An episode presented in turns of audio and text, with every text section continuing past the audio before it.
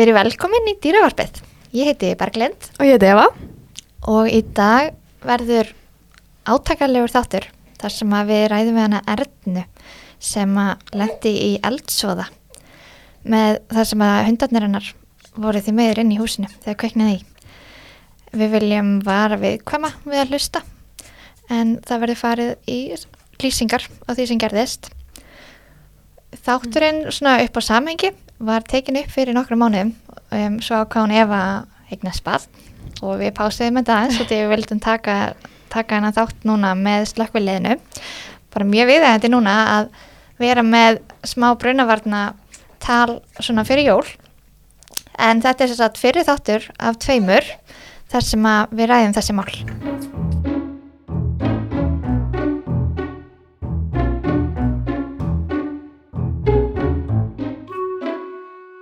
Velkomin til okkar, Erna. Þú kannski hérna segir okkur aðeins frá þér og, og hvað, hve- hvernig þínir hundar eru og svona. Já, bara takk kærlega fyrir að fá mig. Bara ótrúlega mikill heiður. en ég sem sagt heiti Erna Kristjánsen, kvelluð Erna Kristjáns og ég er með fjóra hunda heima. Eins og er. Eins, eins og er, gæti orðið fleiri, ég er eitthvað svona detta inn í mjóhundategundunar. Mm mjög spennandi, sko. En ég er með bara skvísur af því að ég nenni ekki rakkastandi. Það er aðeins erfiðar að vera með blöndu kyn ef að enginn er geldingur. Úf. Þannig að uh, ég er að klára menta mig sem hundaþjálfari. Hvað er þetta að læra? Uh, Viktoria Stilvel Ok, í bandaríkjunum, þannig að ég er í fjarnámi og er svo núna niður í hundaakademi. gækja. Velum og vel. Og hvaða tegund ertu með heima? Herðu, ég er með Russian Toy.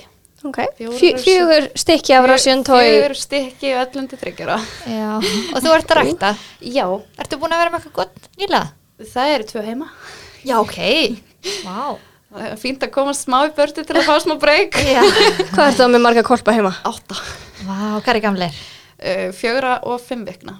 Vá, Oh ok, my við god, erum að gera. því líkt Já. fjör. Já, líka sko, ef ég hef verið með tvö góð á sama tíma, þá hefur þetta alltaf verið bara frekar þægilegt, tíkurnar svona samstilla sér og bara sjáum þetta saman, en akkurat núna það eru með tvær tíkur sem bara, ég þór líka þína kolpa Nei. og láttu mig bara í friði. Ok. En hvað Já. þá með hina tvo hundara? Er þeir bara góður? Þeir eru bara góðir. Þeim er, þeim er alveg saman Já, kolpana. Sko, ég er meira sem með personarhund heima og allt svoleiðist og það er bara ekkit vissin. Bara ókunnur hundar, já, en mömmurnar, nei. Nei. Æ, Og svona rígur. Já, pínu, sko, þetta er Mhm. eitthvað svona hormona þeng hjá þeim. En núna ætlum við að fara sérst yfir í rosalega erfitt málefni og ætlum að fara yfir ferð, að, eða hvað sem var, atvik sem þú lendir í í fyrra. Já, Þannig að martröð flest Já, það er alveg frekar að segja bara martröð. Um, viltu kannski byrja að segja það átti sér stað og, og hvað, hvað fór smá fram? Ég, Já, við getum alveg farið þangað, allavega þangað til að við förum að gráta, Já. eða svo. mælum með pappír. Já, það er fínt að hafa hann meðferðis. Já, því þetta eiginlega, þessi martröð tók niður bara allan dýrabransan. Alveg freka mikið, sko, og er ég freka þakklátt fyrir flest alla sem að stóðu þarna við bakið á mér. Já. Þannig að þótt að margir sem voru þarna skildu ekki alveg, svona eins og fjölskylda og svoleiðis. Já, það er ekki það. alveg á sama stað, sko, en þeim fannst þetta þetta leiðilegt Ok. og allt svoleiðis. Já. en svona ekki skildi þetta fullkomlega en sem sagt 27. oktober í fyrra það er 2020 í fyrra Mm. þá hérna ringdi mamma í mig, ég var semst með einn hundi bílnum og vorum að fara upp á dýraspítala og ringi bara í mig í einhverju paniki og bara það kveiknaði og ég bara, ha? það bara já, það kveiknaði og hún var í einhverju paniki og ég náði ekki að skilja hana þannig ég sneri bara við ég er alveg svona, please, ekki vera satt náðu ekki einu svona að spurja út í hundana eða neitt sem endar svo með uh, hvað ég segi, ég var cirka 5 mínútur frá heimilinu mínu, ég var bara nýfarin út. Og þá kem ég tilbaka og það var ekki einu svona hægt að gera neitt. Það var bara allt fullt af reik, allt svart allt ógæstlegt en eina sem þær náðu að gera var að opna hurðina niðri. Það er sem sagt, þetta er hús á tveim hæðum. Og ég var á neðri hæðinni og fjölskylda mín á efri Var þetta kjallari íbúð eða? svona já og nei Já. þú veist, það var venjulegur gluggi og allt svoleið sko, þú veist, og venjulegt aðgengi þú veist, ég var þannig sé bara jarðhæð ef við getum sagt það Já. þannig að með garð og öllu Já, og hvar, hvar var, er, hvar varstu stödd? Uh, ég var bara rétt á dýraspítalum við Viðdal og var að fara upp í Grafarald, Og íbúðin er, uh, upp í Kórakverfi. Ok, þannig að þetta er Þannig svona að þetta eru fimm mínútur.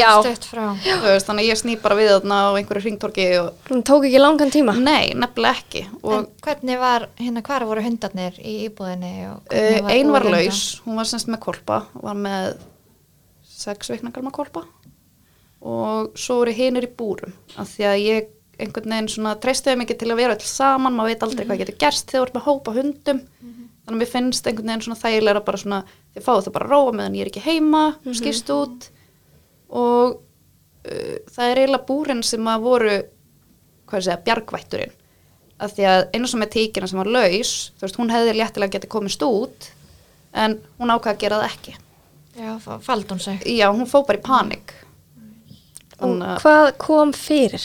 ef Þú ferði að segja það. samkvæmt uh, skýrslum og svoleiðis þá er þetta held í ljósaperan það var semst út frá lampa og líklegast að ljósaperan hafi bara verið ónýtt og sprungið en ég var semst nýlega búin að skipta um ljósaperu í lampanum og bara glimta slökku á honum að ég fór út Og bara venjulegu lampi. bara venjulega lampi, bara kiptur ég ekki Oh my god.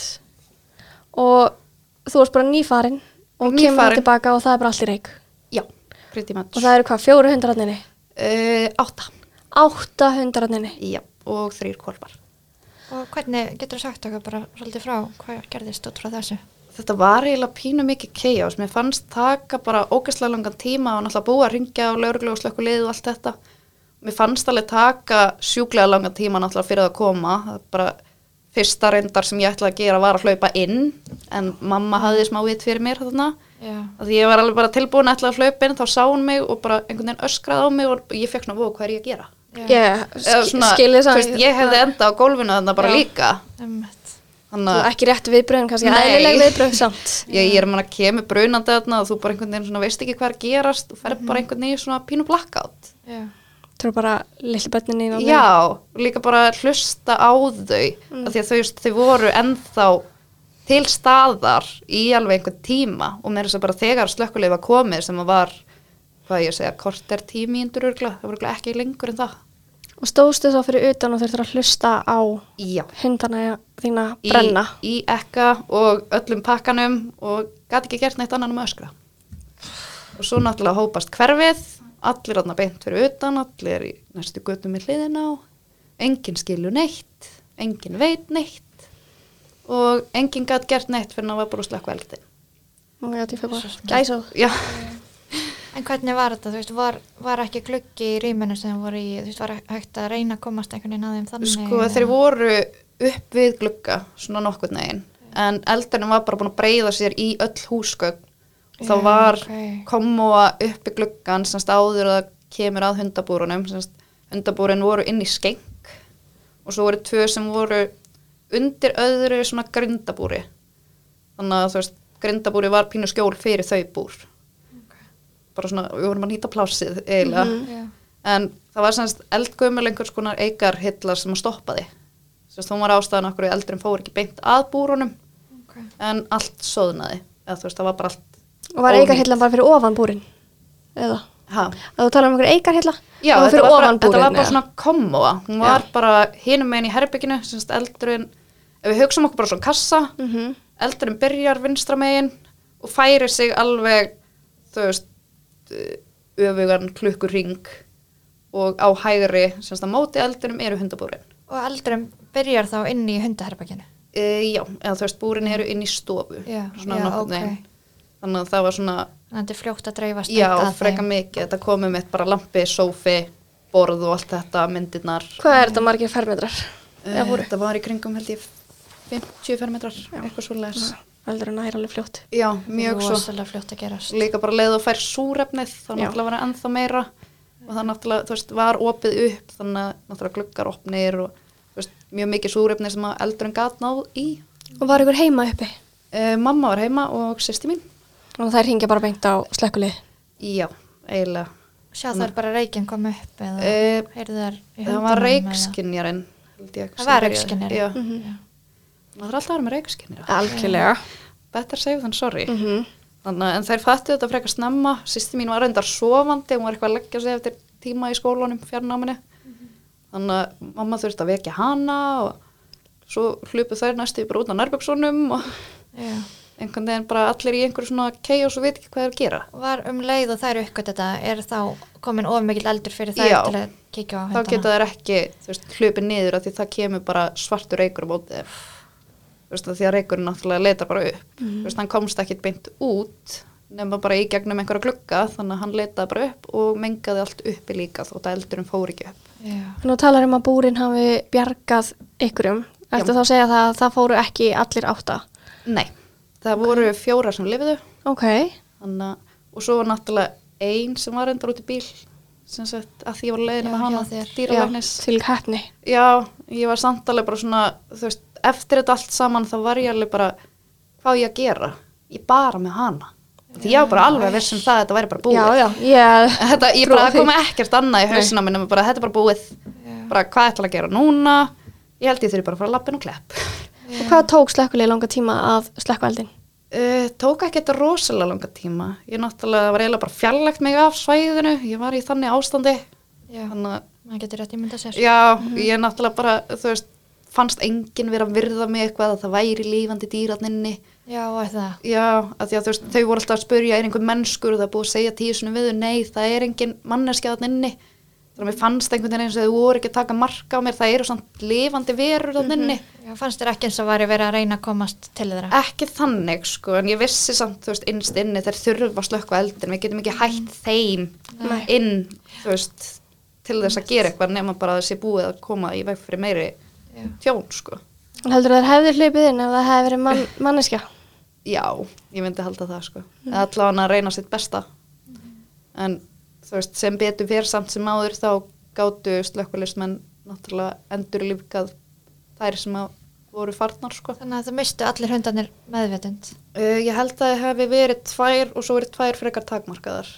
Þannig svona- nær, Það nær tveim hvernig, hvernig hérna, þau koma hana og byrja að slökkva eldin og veistu, þú veist, hvernig slökkulegismenninir og konunar, hvernig þau komi að hundunum og hvernig fynda þær og, Sko, ég gæti náttúrulega strax bara leiðbend þeim þær eru í búri akkurat þarna. já, þú veist, og svo fóru þeir bara inn náði búrin og tókuð út. Svo bara kolla kolli að fara yfir dari, dari, dari, allt þetta. Veist, taka og skoða og bara fjarlæði úr húsnæðinu sem endar sem með, ég náttúrulega var ekki alveg beint á svæðinu þegar það gerðist. Þannig að ég var náttúrulega bara tekin í burtu. Já, en svo kem ég þarna aðeins stuttu setna því ég var búin að ná að svona mögulega róa mig smá og þá einmitt sá ég bara í garðinu mínum bara búrin. Já, þú veist, og það var búið að reyna að breyða yfir svona, þannig að maður myndi ekki sjá þú veist, eins og í gegnum grindabúrið. Þú veist, þú sást alveg. Voru þeir þá látnir í búrun? já, allan þrýr Þannig að þú sást það bara. já, ég sá það strax sérstaklega hjá, sem sagt, ég átti amerskan kokkar. Hún var í grindabúrinu sem, sem var ofan á hinum tveim búrunum. Og maður sá alveg þú veist, hún láði þarna líflaus maður sá einmitt, þú veist, brendan feld og já, Þannig að þú, þeir, þau dóu út af brunanum, ekki út af eitrun. Uh, bæði og held ég sko. það náttúrulega verður náttúrulega viss, hvað ég segja þurrkun Já. í þessum hýta þannig að þú veist, við erum ekki beint viss hvort þetta sé, þú veist, við skoðum það ekkert nánar en það er líklegast eitruninn sko, það var svo fljótt að Við gerast skulum vona það allavega að eitrun hafi, hafi gert þið með endur það laus þannig að þau hafa ekki verið að kveljast. frekar sko. ég held að hundar séu fljót, frekar fljótir að Já. Já. En þessum voru svo aðstæðum. allir búin að missa meðutund já, og þeir ná þá endur lífga tvo. Já, endur Tilbaka. líka tvo er- þannig að þær eru fjórar og eru þið þá að blása þá eða voru já, með einhver voru tæki með í þetta? súrefni og voru einmitt Í bara í alvörunni? endur lífkun Já. þannig að og það er einmitt til myndir af því sem þeir eru að taka endur lífkun með einmitt súrefnisgrímur og svoleiðis Já. og reyna bara að koma hann Það er rosalega vel gert. já, nefnilega sko en, en hundurinn sem var laus uh, hún, ég veit ekki nákvæmlega ég spurði ekki frekar út í það en þú veist, hún allan að koma ekki sjálf út saman hvað við reyndum en þú veist, maður heyrði alveg það var ennþá líf í þeim þegar ég var að reyna að koma þá henni út af því það var einn sem ég gætt gert. En hún ákvaði semst bara örgulega að fara í panik. Ég spurði ekkert hvar sirka hún væri. Nei. en hún hefur greinlega bara farið í panik og bara nei, Já, hún lefði ekki af. Nei, Og ekki korpanir. nei. Hún hefur, en var hún nálægt korpanum eða, veistu það? e, já, var allan að freka nálægt þeim. Þannig að það getur líka verið þú veist hennar björgunar eðli að vera með þeim. Reyna að bjarga korpunum sko. já, hann ekki vilja yfirgefa. Nei, það getur verið það líka. Það brýtur í manni hjarta sko. ég veit að, oh en allir henni voru í búrum? Já, allir hinn voru í búrum. Hvernig voru búrin farin eftir þetta? Sko búrin sem voru inn í skengnum þetta er semst rosalega þungur og stór eigarskengur bara svona sjónskengur og ég fann búr, svona plastbúr, ferðabúr sem að ég get sett akkurat og passa akkurat inn í skengin mm. Uh, Þau búr voru heil, ég hefði getað tekið með mér heim og notaði aftur. En þau búr sem voru bara við hliðin á skengnum, uh, með grindabúrinu ofan á, það var eitthvað rosa fínt, sko, búin að setja eins og hillu bara næstu í hon á grindabúrið, þannig að þetta kom vel út. Uh, þau voru alveg bara svoðinn og brunninn og Þannig að plastbúrin lifðu plastbúrin lifðu, fjögur að þeim, haf sex. allar eru líka út á staðsetningurum og svona Já, þannig að það er allavega til en þá að eigarskengurinn sé ástæðan, sko. Já, þannig að það voru bara hundarnir sem voru inn í honum. Eh, Það var einn þar sem að bara fór út á eitrun Já. en að því að grindabúri var ofan á hinum þá björguðist hundarnir sem voru í þeim búrum. Já. og var þá kokkerinn í búrinu fyrir hún Já, sem að lest já. Það var, var elsta tíkin, var það ekki? Uh, jú, hvaða tegund var af þeim sem lifðu? uh, allt rauð sjöndæ. Það er eð, gott í þeim Já, frekar sko, það, það er berjast vel. já, með að við það að það hefur náða endurlíf gæti baka Já, og ekki bara það heldur, Já. þú veist, önnur þeirra, þú veist, það tók mig 20 mínútur að koma henni til lífs þegar hún fættist. Okay. Þú veist, ég neita að gefast upp, ég bara, þú veist, ok, ég finna þær ennþá lífið þér. já, þú veist, Vá. og bara í gegnum allt það þá, þú veist, náði ég henni tók alveg smá tíma náttúrulega að hlúa að henni fyrstu dagana eftir að hún fættist og svo gerist þetta og hún er einmitt eina af þeim sem þurfti endurlífkun okay. hún ætla bara að hún, lifa af hún ætla bara að lifa og hún er bara ógustlega mikið frekja og Já. skrítin Nei. karakter og ég gæti ekki verið ánar og eitna, hvað gerist næst? þau fara með þau upp á dýraspítala eða, þú veist, já, slökkulið fer með þá eða löggan annarkvort eða ég var ekki alveg með það á reynu Nei. líklega slöggan en þau fóru semst með alla hundina þegar búið að endurlífka og allt svoleiðis og ég náttúrulega kem að nota en setna séð þá þú veist hundana sem að eru semst, ekki farnir upp á dýraspítala. Og þú veist spurði hann eitthvað út í þetta og hann alveg já þau hérna eru komin upp á dýraspítala í Viðdal og þú getur farið þangað og allt þetta. Þetta var rosa þægilegur lögreglumæður sem ég talaði við. Var það búið að láta þau vita að það náðist að bjarga einhverjum? þeir voru ekki viss. Nei. Þeir gáttu bara sagt að veist, það hafi einhverjir hundar farið upp á dýraspítala. Ég vissi ekkert hvað margir eða hverjir. Hún ekki vilja líka segja eitthvað við þig Nei. og svo kæmi eitthvað upp á já, nefnilega. veist, við, við viljum ekki halda ómiklar vonir. Nei. Frekar bara að búast við í versta og að þetta var frekar þú svart, já, þetta var Alveg. mjög svart. Og En, en hvernig svona, eins afstæðilega kannski að spurja, en hvernig líður þér að koma að þessu og sjá þetta bara fyrst að þú þeir eru bara hundarnir í búri farnir, líflausir. sko ég náttúrulega teknilega sé sá bara eina því þeir voru búin að hlúa að hinum búrunum eða svona loka fyrir sá svona nokkur neginn, ég sá körfuna sem að hún var í með kolpunum sínum þannig að þeir voru búin að setja hann þangað eða hvort hún hafi verið þar Já. ekki alveg augljóst fyrir mér en þú veist, sá það þannig að ég sá hans í skottið á henni og sá svo grindabúrið sem að var með kokkarnum í Mm. og þú veist, spurði þeim eitt úti, þú veist, ári kíktin í garðin þú veist, getur þú sagt mér eitthvað Já, nú hljópst ekki bara beintum mitt. Bara Nei, ég í- gat það ekki, Nei. ég bara einhvern veginn, mér langaði ekki að Sjáðu. sjá þau og mér langaði ekki að hugsa að þetta væri raunveruleikin. Mér langaði bara að fara að sofa og bara vakna. Mhm. En hann gat sagt mér að þessi stóra svarta, hún hefði ekki. Sem að einhvern veginn stendur alltaf í manni að því að þú veist, það loka rosalega á hina sem fóru. Þú veist að því að það er alltaf bara, mér líður alltaf bara eins og hún sé bara farin. Er það kokkerinn? Já. Já. Þú veist að því ég var fyrst, hún var fyrst, sem sagt, ég fekk að vita fyrst. Já. Þannig að það er, er fréttirna sem þú farið að vita bara fyrst Já, og er það þá alltaf fast. Það er aldrei fast, sko. Þannig að einhvern veginn svona mjög erfitt að reyna að komast í gegnum sorgin á hinum sem Já, fóru. það er svolítið mikið líka í einu. Já, alveg Já. Og frekar. hvað var kokkerinn gammal, segir Hún var fjögur ára. þeirra? Já. Og henni voru, e, Móna var held ég að detti fimm ára þannig að hún er þá elst myndi ég giska já, þetta er svona pínu blörrað Já, en hinnar voru sem sagt uh, undir tveggjára svo voru hérna uh, kvolpanir sex vikna og svo var ég með tvo aðra kvolpa sem voru þá sex mánada og sjö mánada þannig að þú bara ferð svo brunar upp í Viðdal.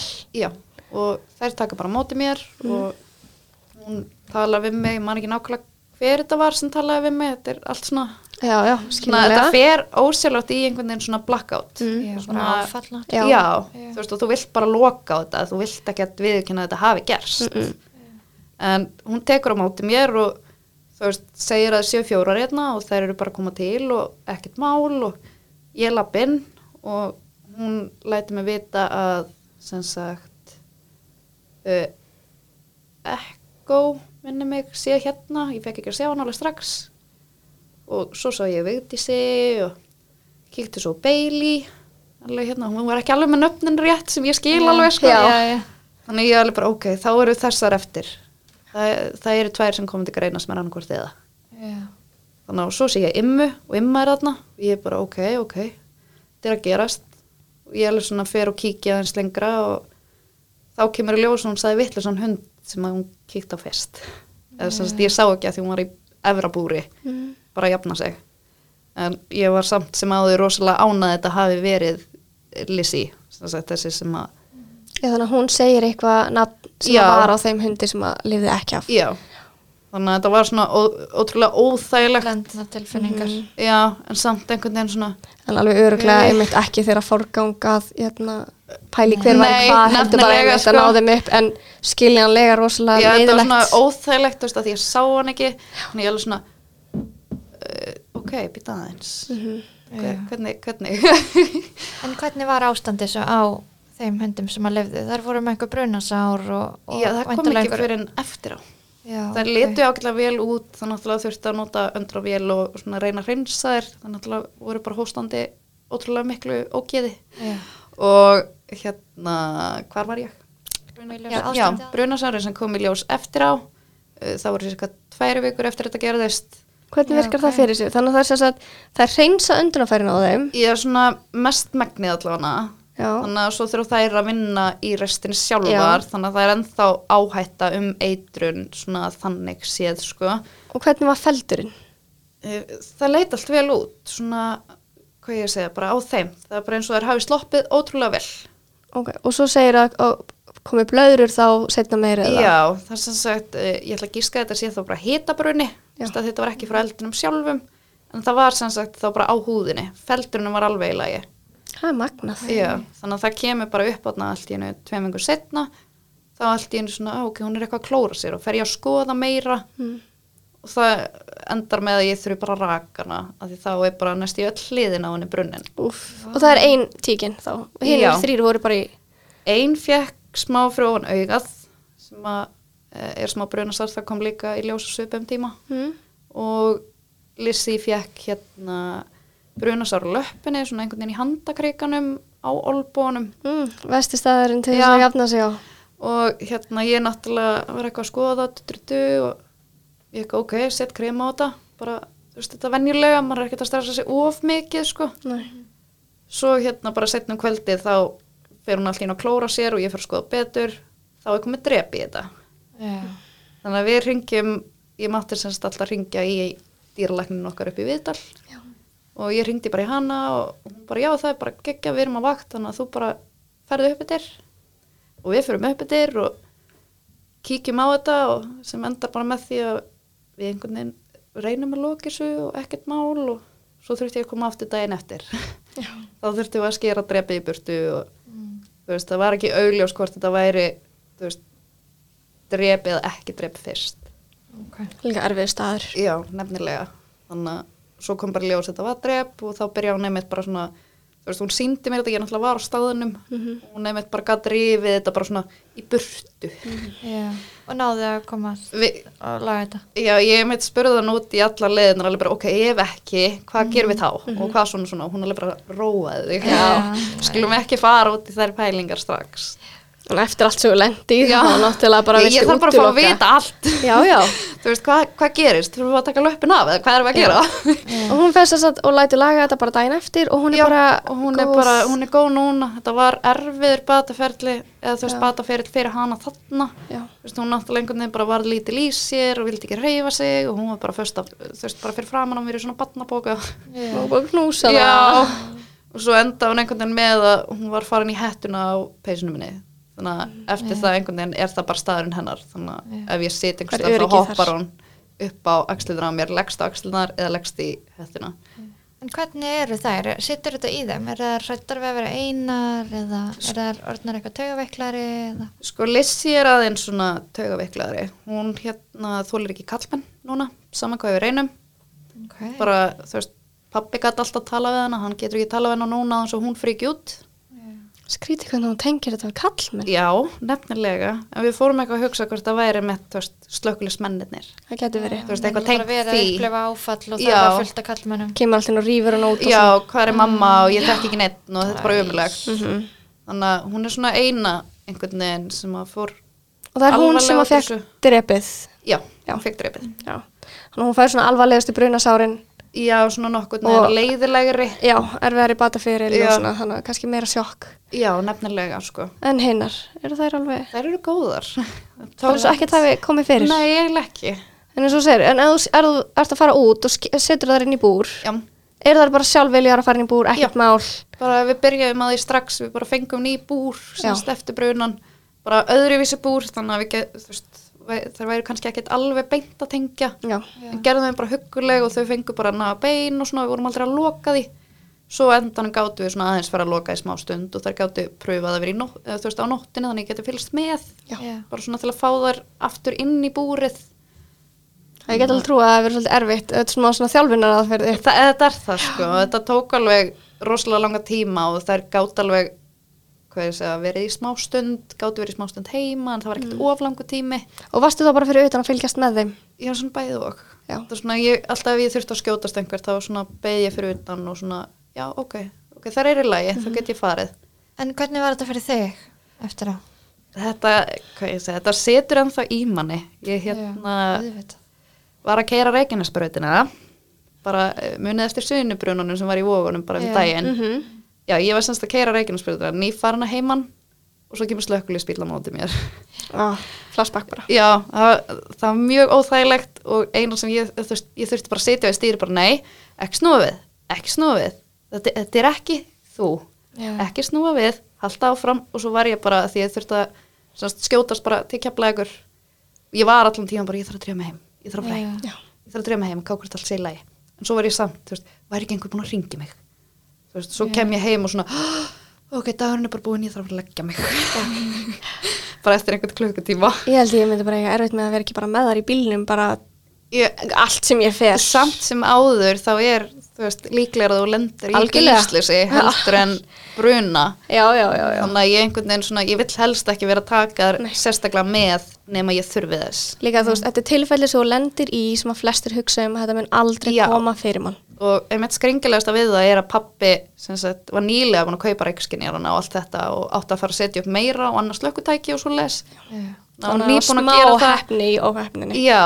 En ég meina þeir eru með reikskinjara og eru með allt, veist, og Já. nýjan, nýjar ljósapyrur, þú veist, Já. þetta er bara, þú veist, maður einhvern veginn hugsa að hefðir gerist ekki fyrir mig Nei. ég myndi sagði þetta við pappa kaupa meira til hvers, það er ekki eins og þess að ég var að kvikna í Ég held sko eftir þetta tilfelli þá hef ég sett reikskinnar Já. Ég býi sko 72 fermetrum og ég held að sé reiks, ég held að sé svona 6 reikskinnar heima á mér. Já. ég er með reikskinjara í hverju einasta herbyggja, sko. við erum með, með samtengda þannig að þú veist Já. að því að bílskúrin hjá okkur er aðskilin, þú veist, þú getur ekki lappa beint Já. inn í hann, þú veist að fara út og inn Mhm. og við erum með, með, með reikskinnar þar og svo erum við með þrjá okkur í hæð Já. Já, núna ertu svo að er komin í annað húsnæði ég komin í annað húsnaði og það bara gengur vel og, og já, svona að smetla, þetta Já. er búin að vera pínu erfitt alltaf að skipta um umhverfið af því að við vorum fyrst, þú veist, eftir brunan hjá vinkunum minni, þess bestu vinkunum minni. Þú er náttúrulega mist allt í brunanum. Ég bara bókstarlega allt, ég átti ekki og Minningar kló, klóð, fötu utan á mig.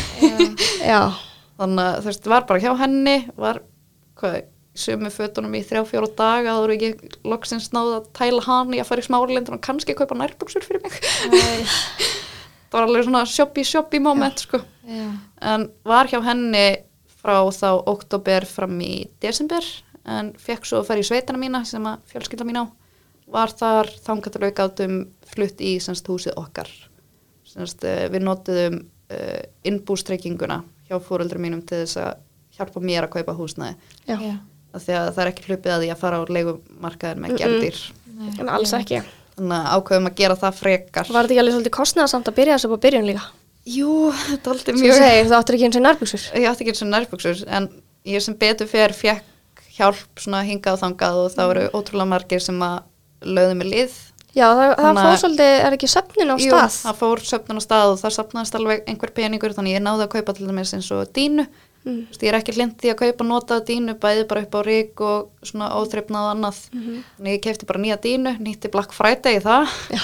þannig að gynnt hana svo bara í skórnum hjá ömmu og amma gaf mér rúmbótn og þetta var svona einhvern veginn svona smottur í hinga og þangað bara frá fjölskyldumæðlumum og um þú veist, ég á hérna svona fyrir þig, viltu fá þetta þú veist, þannig að heima á mér núna er einhvern veginn svona þetta er ekki heima hjá mér Nei. þetta, þetta er Það mun taka tíma já, að byggja upp. þannig að við erum ennþá bara svona að reyna að byggja upp og ég er núna bara að missa mig að kaupa plöntur, ég hef aldrei fíla plöntur. Það er einhvern veginn bara svona mín leið til að gera þetta homey eins og ég kalla það.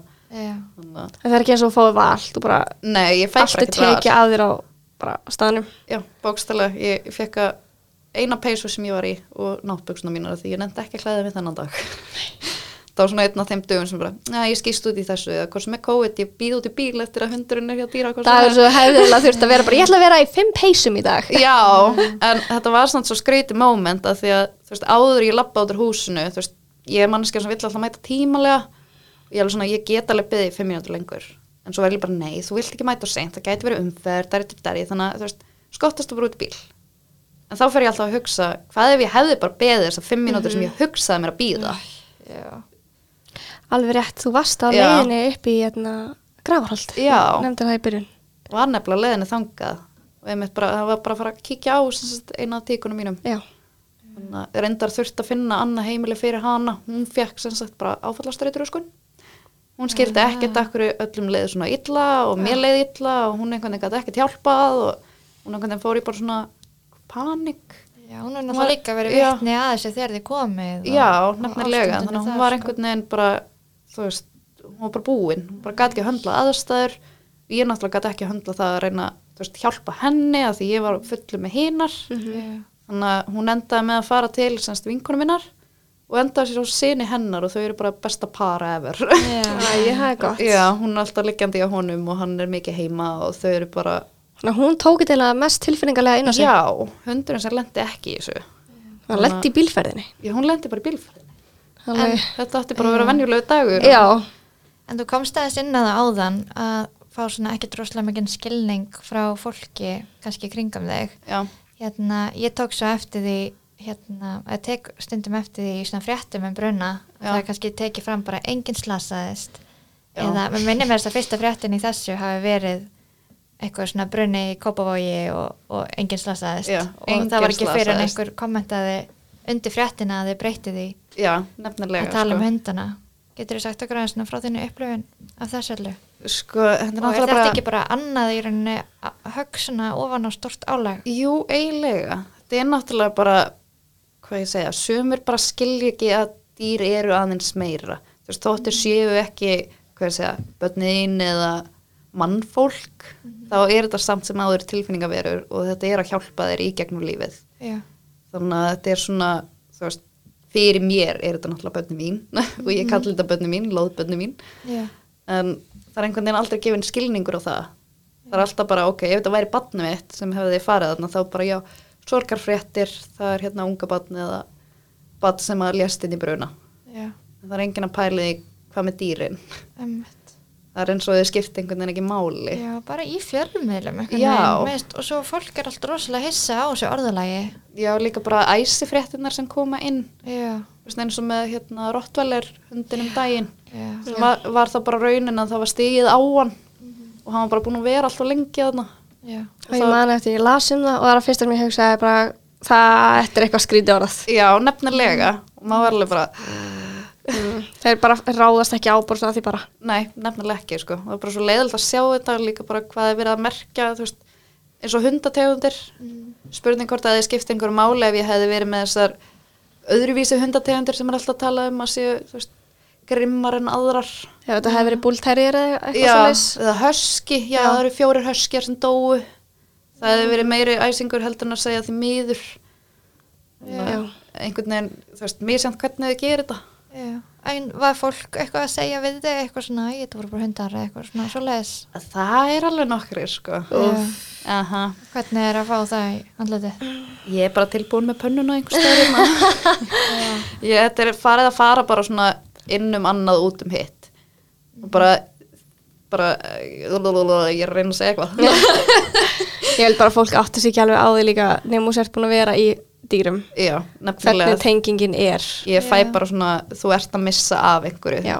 það er bara pínu meira þér að kenna og þú ert bara að reyna að koma því út á þinn hátt. Ég er alveg samlar, ég horfi á mínar litlu sem bara láðbötni mín. Já, en svo er ég sjálf á leiðinni í, í, eina litlu dömi í heiminn þannig að það verður kannski smá mismunandi. Ó já. En á sama tíma maður þarf ekki að, þú veist, já, þarf ekki að er vera eins. Hundar getur, maður getur bara að elska hundi sinn sem hundi sinn og það Já, bara, getur er bara- verið alveg jafn magnað og Já. að elska eitthvað annan skilur nefnilega mér finnst sko. þetta bara að vera jafn mikið fjölskyldumæðlumir já, og Það er það sem að skiptir. og mér finnst það með drosa leðilt að sjá þegar hundurum fær ekki að vera partur af fjölskyldinu Já, af því að við erum búin að finna svo mikið af nýjum leiðum og við mitt skilja já, veist, hundin betur. Já, ég er nú það er fullt sem að, að hundandi mínu hafa gert sem að eru nánari mér eða eitthvað heldur en einhver fjölskyldumæðlumir jafnvel sko. já, nákvæmlega. En maður getur líka ímynda sér ef maður er að gangi í gegnum svona mikla sorg og vera að fá svo svona komment að það gerir svo lítið úr sorginni og því sem að maður er að gangi í gegnum. Að Ég vona- ég ímynda mér að það sé bara mjög sársökafullt að fá svona Ég, það gerir það sko, Já. það líka bara fyrir eftir hvernig fólk orðar hlutina. Þú veist, sumir meina ekkert Nei, ég sést, illa með þessu? Ég vona virkilega að þeir sem að er eitthvað svona að segja þetta eru þeir sem að viti ekki alveg hvernig þeir eru að tækla þetta, viti ekki alveg hvað að segja við þig. Já, og þetta er bara það sem að kemur órt út. Ég, ég get alveg sagt að ég er þessi manneskja sem að myndi segja kollránt á þessu mómenti. Já, ég er svo misefnið þegar það kemur á orðum að ég skil ekki hvernig þú fegst mig með þér í podcast til að byrja með. En ég, ég með þetta hefði öruglega svona klappa þér á bakkinu og svo bara svona hvað ég að segja? af því það er enginn sem getur sett sig í spórin þín. Nei, nefnilega ekki. En það þýr ekki að frétta með þannig ekki samt að koma með einhverja ömulega frétt um það að enginn hefði mitt látist Já. eða slasast eða neitt af því það er náttúrulega bara ekki rétt. Nei, og þetta er bara mikið meira. Já. Þú veist, fyrir mér misti ég bara næstu í líf mitt. Mhm. Þú veist, ég vissi ekkert hvernig ég átti að koma mér aftur á lappirnar. Nei, ég er hann að þú stendur þetta bara horfir á allt farið. Já, pretty much, bara ekkert og bara, ok, ég þarf að byrja upp á nýtt Já. Hvernig? Hvað ég og að gera? það er alveg fólk sem Hvað byrja ég? ég myndi í því að missa allt í brunanum og svoleiðis en í flest öllum tilfellum sem betur verið er þetta bara húsgögn þetta er bara dauðir hlutir Meitt fólk getur huggað sig við það Já. Já. það er yfirlega það sem að fólk hugga sig við þú hefur svolítið svona ekkert til þess þannig að hugga þig við því þú mistir þarna fjölskyldumælum En samt sem áður þá tekur maður poljun á þetta Já. og það eru voru fjórar sem komast í gegnum þetta. að það er Já. bara meira en maður átti nokkuð tíma að vona Já. að því ég man eftir því þegar ég heyrði þessa frétt. Og við náttúrulega öll í dýrabunum heyrðum hana bara þegar þetta var líka að gerast. Að Já, það voru eiginlega flestir held ég bara live Já, að upplifa þetta með þér. Og ég held þú tókst þú um bara spítalan sem við erum á tókstu bara niður. Það voru allir með samúð og bara við fundum alls svo til. Náttúrulega hundar sem hafa verið í meðhendlun Já, já. Hvað? Já, Hvað? Ég, ég vildi ekki minna grafa, bara- Já. Þetta bara- við viljum vera hlutleysa sko. En já, hérna það var mitt voru allir sem bara uh, það stoppaði starfseminn að heyra að þú hefði mist svona marga og þú var að gangi gegnum þetta og það tengja held ég flestir við þig sem að eru mitt í dýrabransan eða maður getur kannski svolítið meira svona sett sér í spór af því að Já, ég held sko ef ég hefði mist húsið, veist, ég veit ekki ég held ég hefði verið meira bara svona kærlösa en, en ekki, hús ekki dýrin Veist, og í flestum tilfellum ertu tryggður fyrir flest Já. öllu veist, eins og döður hlutunum og minningin, ég var alltaf að tala um þú missi minningar og svoleiðis, Já. minningin verður samt alltaf minningin minningin er alltaf minningin en hún er ekki nákvæmlega eins og hún Nei. gerðist Nei. það er alltaf þessi döiði punktur ég veit hvað gerðist og ég get alltaf að rifja það upp en það er ekki beint frá hausnum á mér eða minningunum minni En nú varstu frekar fljótt í það að geta talað um þetta. Það er rosalega velgjart. Það er stórt skref að geta bara komið fram og sagt þína reynslu. En hvernig hefur þú tæklað þetta eftir þetta? tala nú um þetta hefur eiginlega verið svona besta sem ég geri sko. Já. en ég var hjá sjálfræðingi alveg í eitthvað smá tíma eftir þetta og þú veist, ég er ennþá kvíðalefjum af því ég er ennþá bara að tækla það að fara út úr húsi Já. pínu erfitt ennþá og það var alveg bara fyrstu vikunar bara gati ég ekki fara út úr húsinu með einhver annar var heima. Um, það er bara, ég ætla bara að fresta öllu þannig til að Guffa væri búin að vinna og svo get ég fara að gera mitt. Af því þá er einhver sem getur fylgst með. Já. þannig að svona loksins núna og svona, ok, eitt skrif í einu. Bara pröfið að fara út um þröskuldin Já. en það var svona pínu baby steps alveg í frekar langa tíma sko. Þetta er líka, þetta er svona, þetta er, all, það er náttúrulega alltaf ræðilegt að mista dýri sinni eldsóða en þú þurftir að hlusta á þær. það, er versti það er ræðilegt. bara líka það að enginn tók mig í burtu fyrr Já. þú veist ég, það skil ég ekki að því ég hefði bara, ok, ekkert mál dræðu mig í burtu þú veist, ég átti enga veginn að vera þannig að hlusta og fylgjast með það átti einhver að hafa komið og bara þú veist, tekið mig úr aðstæðum að því versta við þetta var náttúrulega bara að þú heyrðir ennþá í þeim, þú alveg þau eru ennþá á lífi og það er enginn að gera neitt. Þannig að þú ferði í bara einhvern veginn svona panik og þau líður bara bjargarlust sérstaklega því ég gæti ekki gert neitt. Náttúrulega sem er fólk- bara versta tilfinning sem ég æfin upplifað. Já, og þú fólk að fara með náttúrulega sem er að vinna þannig að það hefur örgulega ekki lendið í þessu áður og veit kannski, þú veist, Nei, veit núna hvað það myndi gera næst. já, algjörlega. Maður veit aldrei. og þegar ég með, þú veist, eins og með slökkulismennina þeir bara, þú veist, gerðu sitt og lífguðu við og þú veist, þeir einhvern veginn svona vissu hvað þetta gera, Já. veit ekki hvort þeir fari í einhverja sérstaka þjálfun fyrir eða við það fáum, bara... bara fáum starfsmann frá slökkvaliðinu og hann ætlar að taka viðtal við okkur um svona brunnavarnir fyrir gældir. já, því kannski það þetta. því, Já. þú veist, hvernig, hvort þeir fái einhvers konar training Það er mjög áhugavert að, að, hérna, sjá, að, að heyra þegar það bara fara í endurlíkun. Já, og fyrstu Mér fannst viðbröð er það líka, náttúrulega sko. ótrúlega mikilvæg og þeir hafa þá örgulega Já, bara bjargað þeim. spurning hvort að þetta sé bara, þú veist, frá mannúðlegum eða þú veist, ef þeir eru að berga fólki, hvort það sé eitthvað svipað eða hvort það sé bara, Þetta, þetta er mjög líkt sko. já, ég náttúrulega Þetta er svo litli líkamar. Já, nefnilega, ég er að minna eins og bara með Lissi, hún er ekki nema 1,5 kíló sko. Þú veist, og þeir náðu bara samt. fara í svona ungbarna. Já, þeir hafa bara farið í eitthvað svona ungbarna, ungbarna og þú veist, veit ekki hvernig þeir náðu þessu sko. Nei. Líka bara með að við, þú veist, viðbjóðin sem varð þarna, bara hvernig virkar það að þið náðuð að endurlífka, Mm Já. þú veist, ég- það skil ég ekki Það ennþá. verður áhugavert að heyra líka þeirra hlið á málu. Já. Þeir sem að, þú veist, einmitt heyra hvernig ferli fór fram og, og hvað það er sem að bera kannski að forðast. Þú svo sé erfið, ég ég slekka ekki kannski öll ljós heima hjá mér. Ég en ég geri gera það það núna. Já, maður einhvern veginn bara fattar stundum ekki hvað það er sem maður getur Nei, valdið nei, alls og ég, einhvern veginn, nefnilega. ég hugsa, þú veist, já, passa að vera ekki með, þú veist, bröðristina í Já. sambandi Já. og, Ég- og vera ekki með gamlar innstungur og þú veist, og kertin, Já, það, það er kerti einhvern veginn sem maður fókus á, ok, heyrðu, kertið er ekki og hérna, Já, slettujöfn er ekki. ekki vera gömul ramagstæki En samt sem áður, þú veist, flest kerti núna, fyrir þetta náttúrulega spritkerti og svona löngkerti, eru eiginlega í vösum, Já. svona eins og glervösum, þannig að það er ekki eins mikil eldtækta af þeim og var. En samt er maður alltaf bara, ljósapera, mér finnst Já, þetta alveg ótrúlega ég veit það nefnilega, að því ég var sko nýlega búin að skipta, var sem sagt, uh, skipti held ég yfir í venjulega peru, það var sem sagt svona leddpera, en við áttum bara venjulega, þannig ég skipti bara yfir það og Já. lappin átti að hafa höndlað hana og allt þetta og þetta passaði bara allt saman. já, svo bara, hvað deginum eftir þannig að þeir voru ekkert vissir fyrst þú veist, hvernig eða hvað og þetta náttúrulega fór bara í rannsók hvað er líka magna, hvað ætli það- neistinn hafi farið þá í lampaskermin? nei, nefnilega ekki, af því að það var engin lampaskermur þetta var Það svona var vír nálægt. þetta var vírlampi einhvern veginn svona eins og sem var vinsalt í, held ég, hitti fyrra já. Og Það var, var bara skotist frá næsta hef- klukkutjöld eða líklegast annarkort sófan Já. eða uh, kotta teppi sem var í sófanum að því að sófinu var í hliðina ég ætla að fjarlæga allt svona. Já, Já, bara timburhús? ljós og Já. ekki vera með neitt Já, var þetta timburhús? Uh, nei, stift. Stift hús. Þetta er svona hús. Þú ert að fara með þetta, þú veist, nú ert uh, búin að taka út allt sem er basic, svona, já, ok, þetta var timburhús, þá fljótur að fara. Nei, ok, Mhm. þetta var kerti. Þú ert búin að, búin að taka allt og gera bara það ómögulegasta Ég veit gerðist. Já, maður bara er aldrei öryggur, maður verður bara einmitt, vera með rekskinjar út um allt. Já, mér finnst þetta með merkilegt líka bara, þú veist, ok, þetta er stift hús Mhm. og þetta er nýlegt hús, þannig að þetta er rosalega velbyggt hús, Já. En samt sem áður kom gat í veggin. Það var bara búið að bræða inn í einangrunna.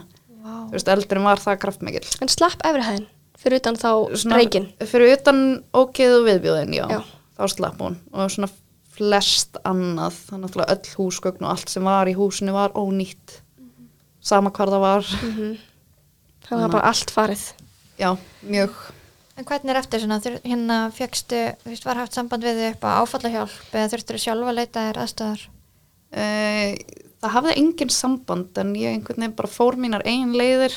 Þannig ég var alltaf á leiðinni að taka áfallahjálpina en svo einhvern veginn svona var pínu nóg bara að ég myndi tala við sjálfræðingin minn. Þú veist, að ég var búin að vera hjá henni í smá tíma og við fórum bara yfir þetta og þú veist, einhvern veginn bara svona, svona náðum að finna rétta leið. Já. En samt ekki bóðið upp á. Nei. Að Ég held að það væri rútína. Ég, ég held það- líka, sko. Spyrjum út í það Já, líka. það er Kannski- Kannski er það rútína ef það er fólk.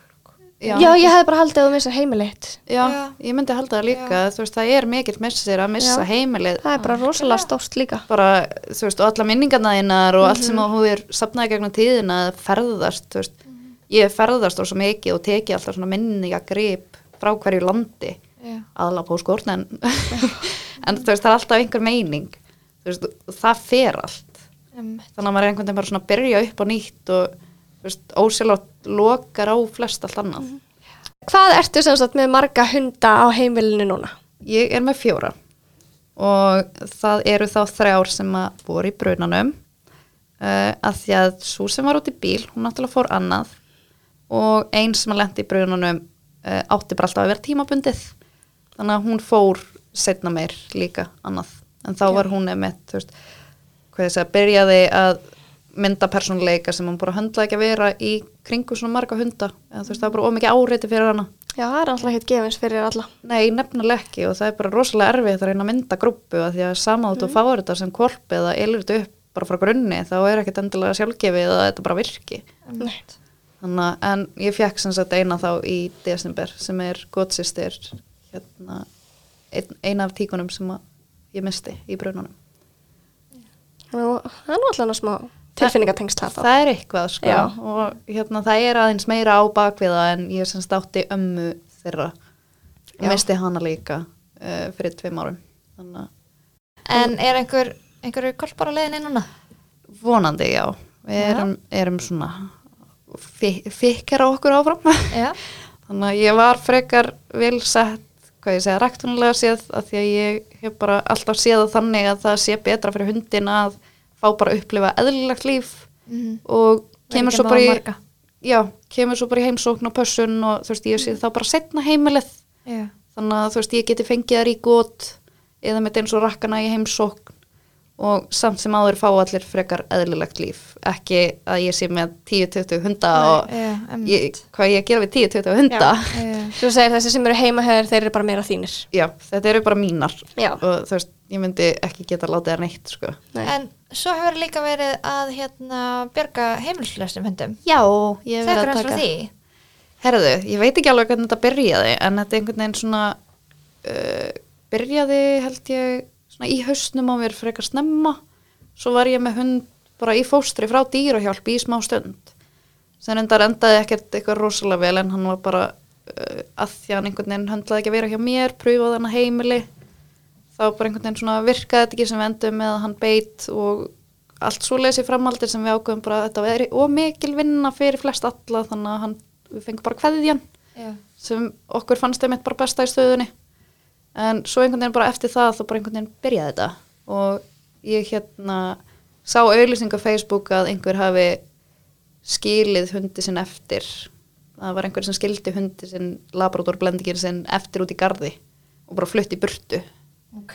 og það var Á æðislegt- Íslandi? Já, bara í garðinum hérna á Suðunisunum og uh, það var kona sem að hérna, æðislega kona sem að tók hann, eða hana, það var tíku, tók hana til sín og hún var, hún var ekkert beint að henda með hundurum hennar. Þannig að ég einhvern veginn bara svona hafði samband við hana bara að þið vantar eitthvað hjálp, það er til þetta og hún bara já, þú veist, þú getur tekið hana.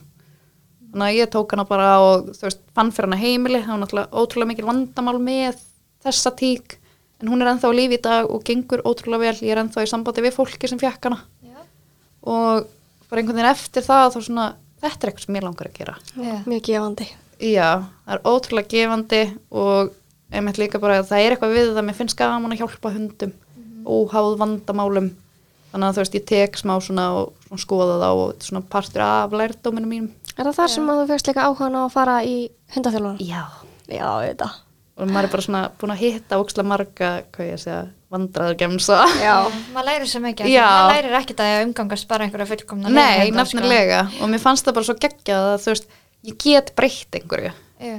þannig að þú veist, ég vil frekar gera það og þú veist, ætlaði með að tala við eh, hérna dýrahjálpar upp á að reyna að fá einhvers konar samstarf Já. þú veist, það er náttúrulega bara ógeðslega dýrt að vera með hund í fóstri þú veist, bara matakostnaður og dót og þú veist, hver veit hvað hún skemmir á þessum tíma þú veist náttúrulega ekkert hvað þú ert að fá í hendunar Já. En Hvernig virkar þetta hjá dýrahjálp? Er þetta, þú sem sagt færð bara hund í fóstur og finnur þú heimili eða finnur dýrahjálp heimili? Dýrahjálp Dýrahjálp finnur. sér um- Ok, og eru þeir að skaffa þér eitthvað mat eða eins og segir? þeir hafa verið að láta þið fá þú veist, eitthvað dótbúr og Ok. einmitt mat Þú veist, og, og hérna dýrin eru tekinu sambandi og Já. og svona Já, allt, já, alveg og- bara, Já, eiginlega bara Já. hygglöst sko.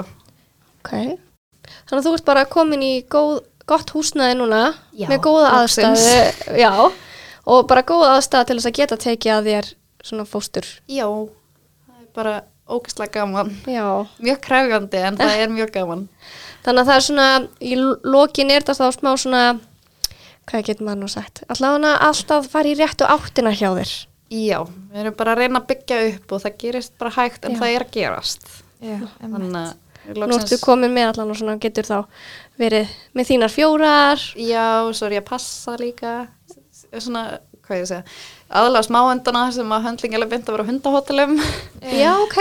Þannig að sem er rosa næst líka. Er þetta ekki líka svo með eitthvað sölu síðu af, af dýravörum? Jú, og... þetta er svona, þetta er alltaf smetla sko, við erum Já. að fara vonandi alvöru alveg inn í þetta bara í ágúst, svona, þá eru allir komnir á rétt ról aftur. Það ertu bara komið með þetta allt á er þetta hreinu. bara komið á reynd og erum bara all in. Þetta er alveg allavega svakaleg bara martruð sem þú fóst í gegnum og fyrir bara alla í þessu. Ég held þú gafst okkur góða gæsa húð, nokkuð tár og, og, og hérna, Já, ég hef alltaf verið hérna kortir frá því að nota þurrkuna, bara býta þess horfið ljósinn. þetta er búið að, þess að segja, það, ég held enginn myndi geta farið í þessa stöðu og enginn mun bara Ég vona bara innilega engin annar lendi í þessu. Er, þess þetta er bara eitthvað sem einmitt að enginn ætti að lendi í. Nákvæmlega. Og Þess er langaði já. okkur einmitt að fá frá slökkvileginu og þá ætlum við að fá svona hvort það sé eitthvað sem að maður getur gert til að minga líkurnar á svona algjörlega. gerist út af því að þetta er einmitt eitthvað sem að maður, þú veist, þetta er ekki bara eitthvað basic. Þetta Nei, og það er líka ekkert verið að fræða okkur eitthvað sérstaklega um það. er veist. einmitt hvort það sé einhver staðsetning betri en Já. fyrir dýrin og hvernig er best að hafa þau einmitt eins og maður hefur helst heyrt af dýrum sem að í rauninni einmitt fara út að reykætrun út af því þau fara undir eitthvað að fela sig. Já, nefnilega. að þú kennir barninu um þetta að fara ekki inn í skáp þetta er ekki búgimenn að koma inn Já. en hvernig átt að kenna hundinni um að nálgast slökkulismannin það var í rauninni helst þá bara afmarka svæði þannig að, Já. þannig að það sé auðveldast að komast að þeim. Þeir Þeir allan allan að að fá töluðu einmitt svona. Já, þeir allan að töluðu um, þú veist, að þeim fannst rosa þægild að geta, ég gæti bara sagt, þeir eru þarna. Þú ekki bara, uh, hann er laus í staðar allir í húsinu, Einmitt. Ég er mínar fer Ég, ég bara, mér, mér líður örugari. Og, og líka það bara að þær eru þá ekki að gera neitt til að slasa sig nei, líka það er mitt. Og það þú veist, ég ég er með plöntur, ég vil ekki að þeir fara að naga plönturna mínar. Já. Þú veist, ég get allan að svona, nei, við erum ekki að gera þetta, koma að gera um eitthvað annað. Já, En ég get ekki gert það því ég er ekki heima. En svo er líka bara með svona, þetta er eitthvað sem mann langar ekkert að hugsa út í, mann langar ekki, já, hörðu, ég ætla að staðsitja hundana mína hérna svo þau brenni ekki inni. Já. Þú veist, það er bara vond að segja þetta. En En nefnilega, þetta er sko. eitthvað sem að maður bara þarf kannski bara að hugsa um. þetta er samt alveg eitthvað sem ég myndi hugsa um með, með barnið mitt Já. Já, það er alveg ótrúlegt já. Ég er náttúrulega staðsettur hérna söfnherbergi og allt svo leiðis yfirleitt í áttina því hvar þú kemst út Já, Já. og allir hérna allir gluggar og, og það sem þú ert að hlaupa út skilur svona exit fyrir brun, bruna er yfirleitt eitthvað tengt í þessu Já, algjörlega að það sko. ætti svo sem það er kannski bara ágætt að ég myndi hafa smá vakningu yfir því að það sama gildi fyrir dýrin Já. Já. Og ég er að menna, sko, besta lausnin sem ég hef fundið núna er bara eiginlega bara geima þið inn að gangi. Ég er bara ekki með stóran gang, eins og er. en maður náttúrulega reynir allavega að nýta aðstæðan og hafa það Já. þannig að þú getur þá sagt slökkulinni hvar þau eru stödd Já, Og eða þannig að ég geti að þá bara að opna sjálf Já. og bara svona skriðið inn að því að það er þá, þú veist, þetta er ekkert hjút skangur. Mhm. Þú veist, ég þarf bara að skriða, veist, tvö skref og mögulega bara kift búrun út. en svo er líka þess að magna það maður veit aldrei hvar eldurinn kveiknar Nei, þú nefnilega. segir, þetta er bara lampi þetta er bara lampin í stofu þú veist, en svo kemur upp á móti eldúsið er náttúrulega alltaf líklegur partur Já. þottahúsið þess að ég segi, þú fóst bara Þú á veist, móti öllu sem hægt að fara á móti og síndi bara að þarna er ekki allt bara nefnilega sko, það er með tjald allir fyrst að það væri þottahúsið eða veist þurrkarinn af því að ég bara úksla vun að kveikja á sig og lappa út Já. Já. veist bara, þetta er orðið það er góð tækni að það er nákvæmlega, maður pæla ekkert í Nei. tækin í dag, æ, þetta er ekkert mál, labba bara út. já, nefnilega sko, eins og með sjónvarp Já. þú veist, vá Ótrúlega hversu margir oft ég líka- gleymi að Já. stökka á sjónvarpinu Margir hafa viljandi kveikt á útvarpi og sjónvarpi Já. og Já. dýrin og til dæmis sko, ég Ég myndir líka- alltaf með kveikt útvarpi Já, ég líka með mína hunda til dæmis, ég var alltaf, hérna, ég er enda frekar eldrætt manneska, en ég var alltaf með svo mikla ráðgjör, þegar ég var með þrjá, það var alltaf eitt þeirra í búri, bara því hann var óþekkur, og henni tveiri voru lausir, reyndar ekki í ykkur risa húsi, bara svona á, hérna, smá svæði, en ég var alltaf, ég hugsaði mest út í hvað ef að kveiknar í, kemur ykkur að bjarga þeim og sér tveir lausir hlaupa út og það veit enginn af þessum sem er inn í búrinu. Já, En í rauninni samkvæmt þessu væri hann í búrinu örugastur. séð sko, að þeir myndu fjöla sig. þau getur, þau í flestum tilfellum myndu bara frík út, þau vita ekkert hvað að gerast aldrei kynstu svo áður. Já, þú veist, og hver veit nema eldur en sé í dýragættinni til að komast út. Einmitt. og líka öryggisatriði með hérna að vera í smá sambandi við nágrannana sína. Já, nefnilega sko. hvar vera bara með númerið hjá hvort öðru og þú veist, þá getur bara, heyrðu, ég sá hérna hundi en hann fór út um stofuglögan já, ég er náttúrulega með þá stærð. Já. Ekki vandamáli bergliti ó nei. En bara takk kærlega fyrir að koma Mhm. og segja okkur frá þessu öllu. Og við vonum bara að það gangi allt vel hjá þér í framtíðinni með ræktunina og börsun og verslunina og allan, allan. Já, bara takk fyrir og það er bara fínt að fá að þú veist, segja fleirum þetta þú veist, það er ekki allir sem nennan til dæmis að lesa þótt þetta var pínu æsigangur og ná tímabili en það er líka bara rosalega gott að heyra þetta frá manneskunni. Þannig, og einmitt geggjað að slökkulismennir ætla að koma og Já. segja sitt mjög spennt fyrir því Já. vona allir allavega að bara passi sig vel og geri smá útreikninga þegar þeir skilja dýri sinni eftir sko. Já, akkurat Þetta er bara mjög góð tips frá þér varandi hvað við getum gert til að koma í veg fyrir þetta Já, slöktu, bara- sl taktu bara rafmagnið af húsinu. Já, maður er bara komin þangað sko. Já, Já, það ætti yfirleitt þetta- að vera nóg bara að slökka ljósin sko. Já, mjög flott að fara yfir þetta allt saman og hvað við getum gert betur. Já, og ég mitt bara muna líka að þú ert að fara í lengri tíma að slökka á öllu, þú veist, Já. millistykkjum og öllu. Mhm. þannig að maður gleymi því rosalega núna í dag. Það er alltaf Já. orðið svo nýtt og þægilegt og það er enga maður líkur á þessu. Já, Já. nefnilega. Þannig að bara, já, takk kjállega fyrir að koma til okkar bara takk hérlega fyrir mig